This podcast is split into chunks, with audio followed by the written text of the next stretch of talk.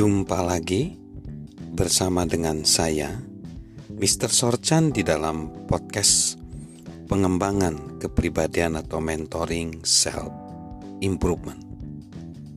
Sekarang kita akan membahas cara memulai mengutamakan orang lain. Pada segmen sebelumnya dibahas bagaimana kita perlu mengutamakan orang lain akan mengubah hidup kita dari sekedar kesuksesan menuju kebermaknaan. Dan itu menyadarkan kita bagaimana pentingnya mengutamakan orang lain.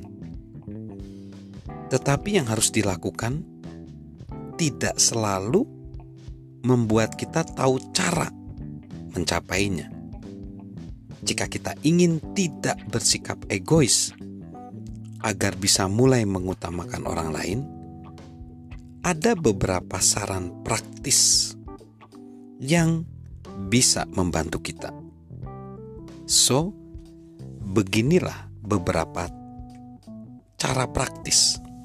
Yang pertama, lebih menghargai orang lain, lebih menghargai orang lain. Dalam satu konferensi yang dilakukan oleh John C. Maxwell, 300 pemimpin teratas berkumpul mengikuti pelatihan kepemimpinan. Dan di panggung konferensi didekorasi dengan panggung lebar yang bertulis, "Mengapa kita memimpin?" mengeluarkan kualitas terbaik orang lain demi hasil yang luar biasa. Ini keren banget. Dan selama konferensi kepala HRD organisasi tersebut memerintahkan para peserta untuk bertanya sama diri sendiri. Siapa yang membuatku menemukan kualitas terbaikku?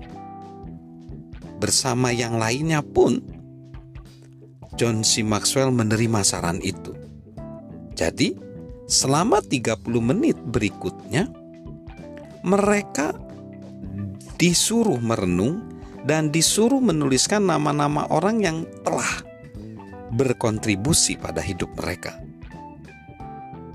Dan dari daftar itu, mereka bisa belajar bahwa salah satu motivasi terbesar dari kita untuk memberi kontribusi kepada orang lain adalah membalas jasa orang-orang yang ada di dalam kehidupan kita.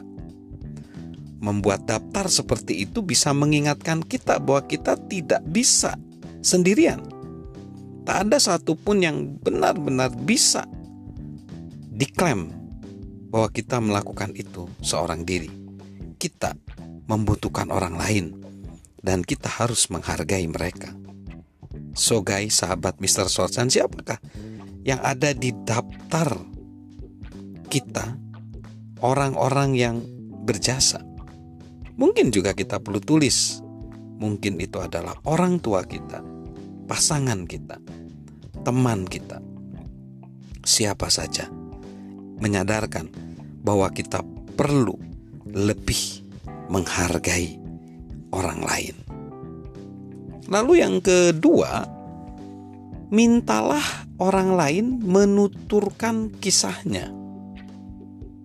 Di segmen sebelumnya kita bicara pentingnya kisah dan bagaimana kita mendorong menyadari bahwa hidup kita bisa menjadi kisah besar yang bermakna. Dan setelah kita meyakini itu, itu juga akan memotivasi kita secara pribadi tetapi apa itu juga memotivasi kita untuk terhubung dengan orang lain dan mempelajari kisah mereka? Seharusnya begitu. Karena semua orang yang kita temui pun memiliki kisah. Kita cenderung mengabaikan ketika kita terlalu sibuk mencoba menyelesaikan segala sesuatu. Jadi bagaimana kita mengatasinya? Dengan meminta orang-orang menutup menuturkan kisah mereka. Untuk melakukannya, kita harus memperlambat langkah dan tidak terlalu berfokus pada diri kita sendiri. Apakah kita tahu kisah orang-orang dalam hidup kita? Tahukah kita dari mana asal mereka? Tahukah kita tentang perjuangan mereka? Saat-saat yang menentukan dalam hidup mereka. Apakah kita tahu tentang harapan dan impian mereka? Sudahkah kita bertanya apa yang mereka cita-citakan dan apa yang memotivasi mereka? Sulit untuk tetap bersikap egois ketika perhatian kita tertuju pada orang lain. Mendengar kisah orang lain adalah cara bagus untuk keluar dari diri sendiri. Kisah mereka tidak hanya akan menginspirasi kita untuk membantu mereka, tetapi juga akan menunjukkan cara kita dapat membantu mereka. Salam untuk mengutamakan orang lain dari saya. Mr. Sorchan.